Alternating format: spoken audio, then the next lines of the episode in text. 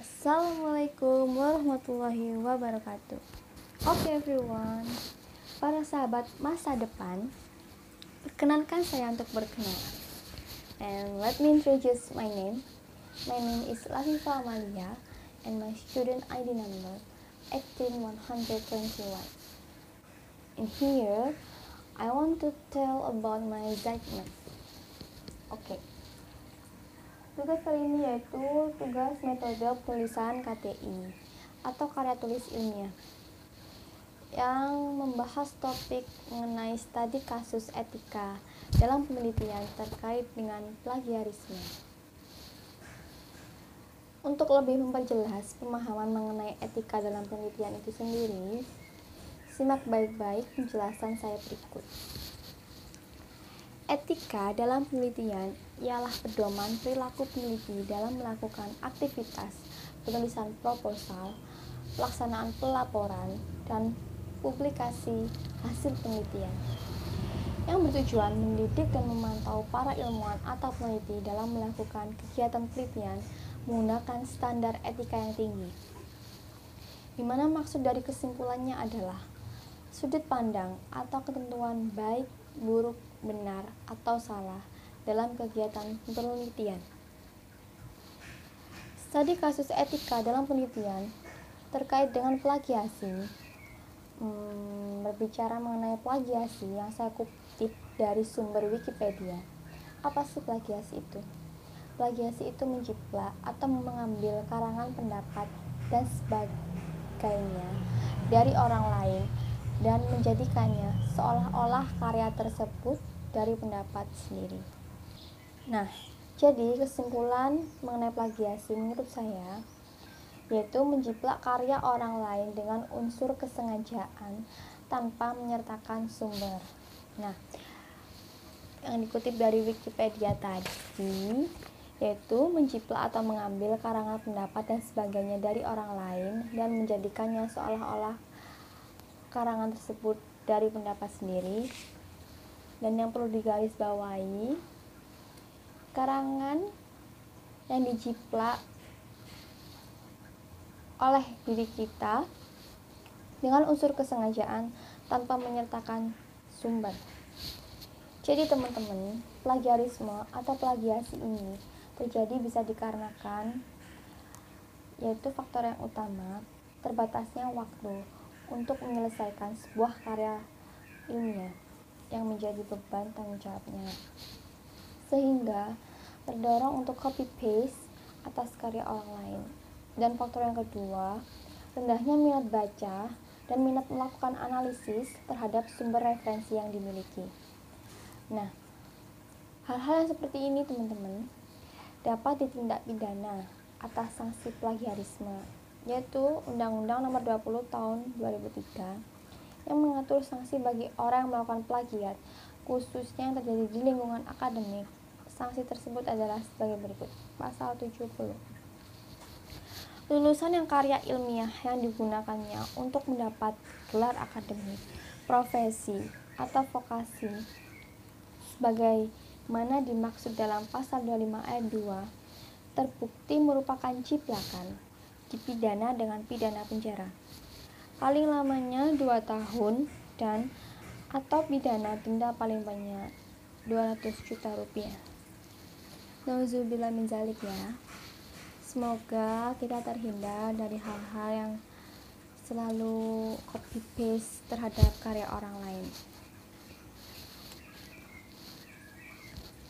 Studi kasus etika dalam penelitian terkait plagiasi uh, berbicara mengenai kasus-kasusnya yaitu adapun kasus plagiarisme di bidang akademik itu sendiri terjadi di berbagai belahan dunia termasuk Indonesia. Adapun kasus Danet Maicu, seorang ahli matematika dan komputer berkebangsaan Rumania.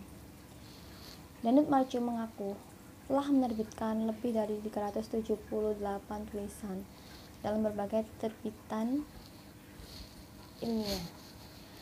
Sejumlah tulisan ditemukan sebagai tiruan dari tulisan orang lain. Oke.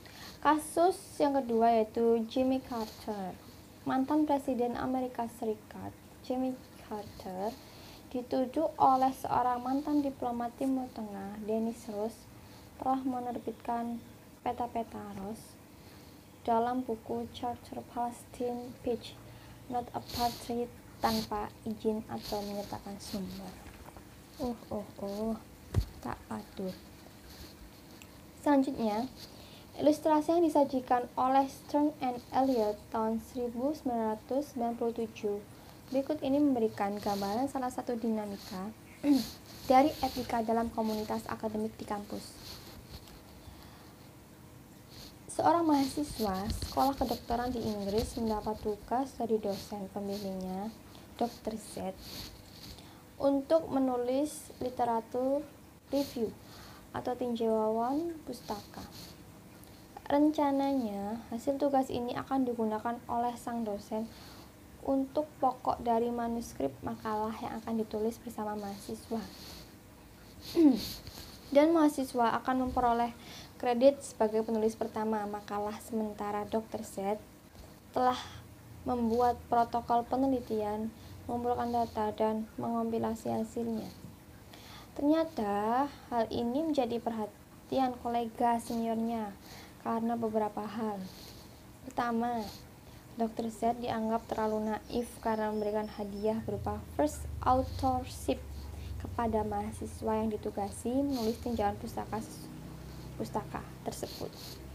Sesungguhnya mahasiswa tidak layak memperoleh hak sebagai penulis pertama mengingat protokol pengumpulan data dan analisis data dilakukan oleh Dr. Z. Jadi, kesimpulan dari pembahasan saya atau kasus yang sudah saya ceritakan, pesan untuk para rekan-rekan sahabat masa depan, gunakan waktu sebaik mungkin agar di saat menyelesaikan sebuah karya tulis ilmiah agar terselesaikan sesuai deadline yang telah ditetapkan. Jika kita terlalu bersantai-santai terhadap tugas yang telah diberikan dan tidak terselesaikan sesuai deadline, maka terdolonglah untuk memplagiasi karya milik orang lain. Jadi teman-teman, cukupkan waktu baik-baik untuk memikirkan masa depan yang indah. Cukup berkreasi dan percaya pada karya kita sendiri. Salam sahabat masa depan. Dari saya Lafa Amalia undur diri dan pamit. Wassalamualaikum warahmatullahi wabarakatuh. Assalamualaikum warahmatullahi wabarakatuh. Halo sahabat masa depan, kembali lagi dengan saya, Lafifa Amalia, mahasiswi Stikes Kepanjen, program studi Diploma 3 Keperawatan. Pada kesempatan kali ini, perkenankan saya untuk membahas ke topik berikutnya, yaitu penjelasan mengenai diagram alir metode penelitian deskriptif. Definisi sederhana mengenai metode penelitian deskriptif yaitu proses pengumpulan data yang memungkinkan peneliti untuk menghasilkan deskripsi tentang fenomena sosial yang diteliti. Nah, Tujuan utama metode penelitian deskriptif dibagi menjadi tiga, yaitu yang pertama, mendeskripsikan, yang kedua, menjelaskan, dan yang ketiga, memvalidasi temuan penelitian. Dalam penelitian deskriptif, peneliti tidak mempunyai kontrol terhadap variabel tertentu untuk menjelaskan fenomena sosial. Kontrol terhadap variabel berada di tangan subjek penelitian atau partisipan. Meskipun metode penelitian deskriptif memungkinkan untuk melibatkan sebagai variabel, hanya terdapat satu variabel saja yang bisa digunakan untuk menjelaskan. Nah, misalnya nih, penelitian tentang motivasi perilaku selfie di Instagram. Peneliti bisa merancang banyak variabel, tapi hanya bisa menggunakan satu saja, yaitu motivasi perilaku selfie. Berlanjut ke pembahasan berikutnya, apa aja sih keuntungan dan kerugian penelitian deskriptif itu sendiri? Untuk keuntungannya, metode ini menggunakan riset yang memiliki potensi untuk mengombinasikan penelitian kualitatif dan kuantitatif. Metode riset deskriptif mampu melakukan pengamatan dalam setting sosial yang natural dan apa adanya. Sedangkan kerugian dari penelitian deskriptif itu sendiri yaitu metode riset deskriptif rentan terhadap bias karena kental nuansa opini yang subjektif. Metode riset deskriptif sulit diverifikasi ulang karena sifatnya yang observasional dan kontekstual. Nah, untuk kerugian metode deskriptif itu sendiri juga memerlukan waktu yang relatif lama dan konsekuensinya biaya dan tenaga akan lebih besar lagi. Berbicara mengenai waktu yang relatif lama, saran dari saya untuk benar-benar mempersiapkan segalanya secara sistematis dan teratur, agar segalanya bisa kita manage dengan baik. Berlanjut ke pembahasan berikutnya, adapun kriteria khusus penelitian dengan menggunakan metode deskriptif yaitu yang pertama, prinsip-prinsip atau data yang digunakan dinyatakan dalam nilai value. Yang kedua, fakta-fakta ataupun prinsip yang digunakan adalah mengenai masalah status. Yang ketiga, sifat penelitian adalah ex post facto karena itu tidak ada kontrol terhadap variabel dan peneliti tidak mengadakan pengaturan atau manipulasi terhadap variabel. Variabel dilihat sebagaimana adanya. Adapun langkah-langkah umum dalam metode deskriptif, untuk lebih rincinya, terdapat berbagai langkah yang sering diikuti, yakni sebagai berikut. Yang pertama, menilai dan merumuskan masalah yang signifikan. Yang kedua, menentukan tujuan dari penelitian yang akan dikerjakan. Yang ketiga, memberi limitasi dari area atau scope atau sejauh mana penelitian deskriptif tersebut akan dilaksanakan. Yang keempat, perumusan kerangka teori atau kerangka konseptual yang kemudian diturunkan dalam bentuk hipotesa-hipotesa yang diverifikasikan. Yang kelima, menelusuri sumber-sumber perpustakaan. Yang keenam, meruskan hipotesa-hipotesa yang ingin diuji, baik secara eksplisit maupun secara implisit. Yang ketujuh, melakukan kerja lapangan untuk mengumpulkan data. Yang kedelapan, membuat tabulasi serta analisa statistik. Yang sembilan, memberikan interpretasi dari hasil dalam hubungannya dengan kondisi sosial yang ingin diselidiki, serta dari data yang diperoleh, serta referensi khas terhadap masalah yang ingin dipecahkan. Yang ke-10, mengadakan generalisasi serta edukasi dari penemuan serta hipotesa-hipotesa yang ingin diuji. Yang terakhir, membuat laporan penelitian dengan secara ilmiah. Oke, dapat ditarik kesimpulan mengenai metode penelitian deskriptif yang sudah saya jelaskan. Kesimpulannya, penelitian deskriptif merupakan penelitian yang berusaha mendeskripsikan suatu gejala, peristiwa yang terjadi pada saat sekarang atau masalah aktual.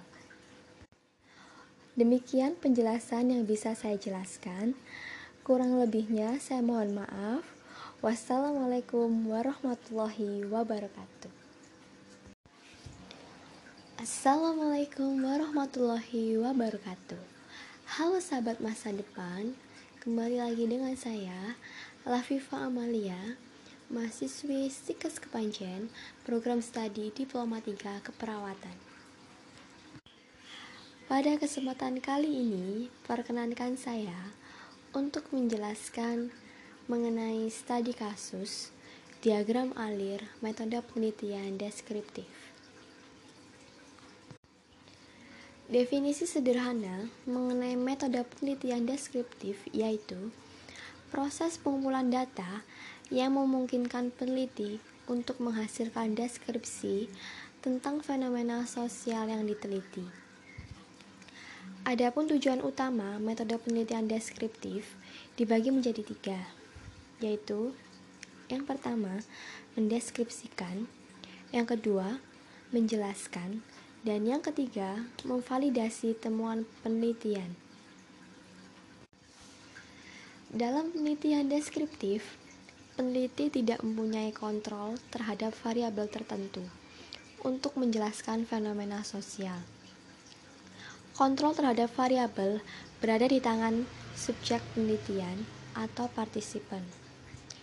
Meskipun metode penelitian deskriptif memungkinkan untuk melibatkan sebagai variabel hanya satu variabel saja yang bisa digunakan untuk menjelaskan. Nah, misalnya nih, penelitian tentang motivasi perilaku selfie di Instagram. Peneliti ini bisa merancang banyak variabel, tetapi hanya bisa menggunakan satu saja, yaitu motivasi perilaku selfie. Berlanjut ke pembahasan berikutnya, apa aja sih keuntungan dan kerugian penelitian deskriptif itu sendiri. Untuk keuntungannya, metode riset deskriptif ini memiliki potensi untuk mengombinasikan penelitian kualitatif dan kuantitatif. Metode riset deskriptif mampu melakukan pengamatan dalam setting sosial yang natural dan apa adanya. Nah, sedangkan kerugian dari penelitian deskriptif itu sendiri, metode riset ini rentan terhadap bias karena kental nuansa opini yang subjektif. Metode riset deskriptif ini sulit diverifikasi ulang karena sifatnya yang observasional dan kontekstual. Nah, untuk kerugian metode deskriptif itu sendiri juga memerlukan waktu yang relatif lama dan untuk konsekuensinya, biaya dan tenaga akan lebih besar lagi. Berbicara mengenai waktu yang relatif lama, saran dari saya untuk benar-benar mempersiapkan segalanya secara sistematis dan teratur, agar segalanya bisa kita manage dengan baik. Berlanjut ke topik berikutnya, adapun kriteria khusus penelitian dengan menggunakan metode deskriptif yaitu yang pertama, prinsip-prinsip atau data yang digunakan dinyatakan dalam nilai atau value. Kedua, fakta-fakta ataupun prinsip yang digunakan adalah mengenai masalah status. Yang ketiga, sifat penelitian adalah ex post facto karena itu tidak ada kontrol terhadap variabel dan peneliti ini tidak mengadakan pengaturan atau manipulasi terhadap variabel dan variabel dilihat sebagaimana adanya. Nah, berlanjut ke pembahasan berikutnya, langkah-langkah umum dalam metode deskriptif untuk lebih rincinya terdapat beberapa langkah yang sering diikuti, yakni sebagai berikut. Yang pertama, memilah dan merumuskan masalah yang signifikan. Yang kedua, menentukan tujuan dari penelitian yang akan dikerjakan. Yang ketiga, memberi limitasi dari area atau skop atau sejauh mana penelitian deskriptif tersebut akan dilaksanakan. Yang keempat, perumusan kerangka teori atau kerangka konseptual yang kemudian diturunkan dalam bentuk hipotesa-hipotesa yang diverifikasikan. Yang kelima, menelusuri sumber-sumber kepustakaan. Yang keenam, merumuskan hipotesa-hipotesa yang ingin diuji baik secara eksplisit maupun secara implisit. Yang ketujuh, melakukan kerja lapangan untuk mengumpulkan data. Dan yang kedelapan, membuat tabulasi serta analisa statistik. Nah, untuk berikutnya yang sembilan, memberikan interpretasi dan hasil dalam hubungannya dengan kondisi sosial yang ingin diselidiki, serta dari data yang diperoleh serta referensi khas terhadap masalah yang ingin dipecahkan. Yang ke-10, mengadakan generalisasi serta edukasi dari penemuan serta hipotesa-hipotesa yang ingin diuji. Dan yang terakhir, membuat laporan penelitian dengan secara ilmiah. Nah, dapat ditarik kesimpulan mengenai metode penelitian deskriptif yang sudah saya jelaskan tadi. Kesimpulannya, Penelitian deskriptif merupakan penelitian yang berusaha mendeskripsikan suatu gejala, peristiwa yang terjadi pada saat sekarang atau masalah aktual. Oke, sekian penjelasan dari saya. Kurang lebihnya saya mohon maaf. Wassalamualaikum warahmatullahi wabarakatuh.